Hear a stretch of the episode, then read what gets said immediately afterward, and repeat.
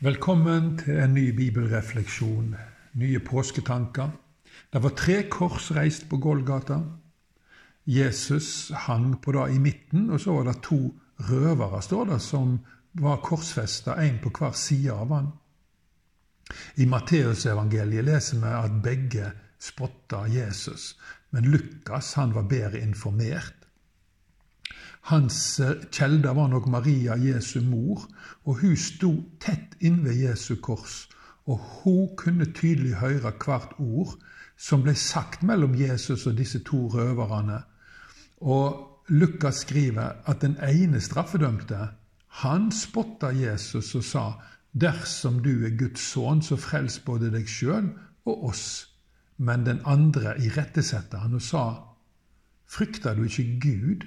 Sjøl om du er under den samme dommen.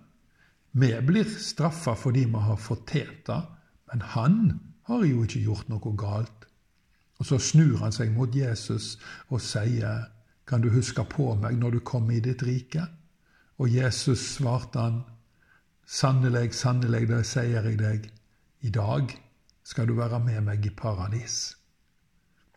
To røvere, samme dom, samme skjebne, men de døde på to helt forskjellige måter og havna på to forskjellige plasser etter døden. Den ene gikk evig fortapt, den andre ble evig frelst. Hva var ulikt? Jo, deres forhold til Jesus. Jesu kors forener oss med Gud, vår Far. Men ikke bare da. Det forener alle truende med hverandre, med én familie, ei slekt. Men korset deler også menneskeslekta i to. De som trur og blir frelst, og de som ikke trur og går fortapt. Disse to gruppene lever i hver sine rike. Vi kjenner hverandre, vi kan jobbe sammen, vi kan le sammen. Vi kan, eh, når det kommer til hva livet egentlig handler om. Men når det kommer til det som livet egentlig handler om, så blir vi så ukjente for hverandre som fremmede. Ja, såpass at ikke-truende over hele verden finner god grunn til å forfølge og stoppe moen på de som tror. Den frelste røveren hadde fått med seg mer kunnskap om Jesus enn de fleste mennesker har i dag. For det første visste han at Jesus var helt uten skyld, og at han ikke hadde gjort noe galt.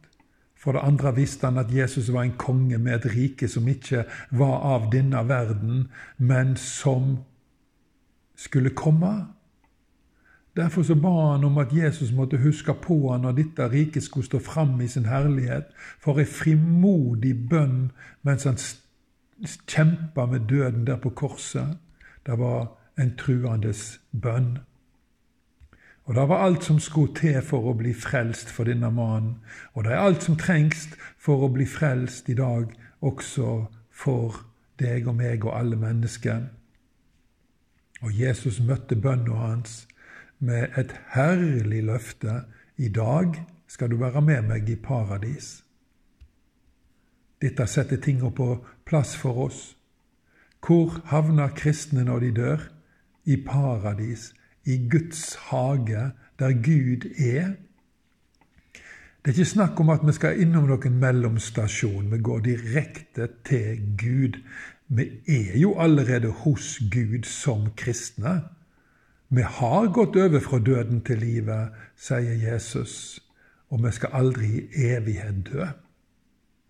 Billetten Jesus betalte for oss på Golgata, var direktefly fra jorda til himmelen.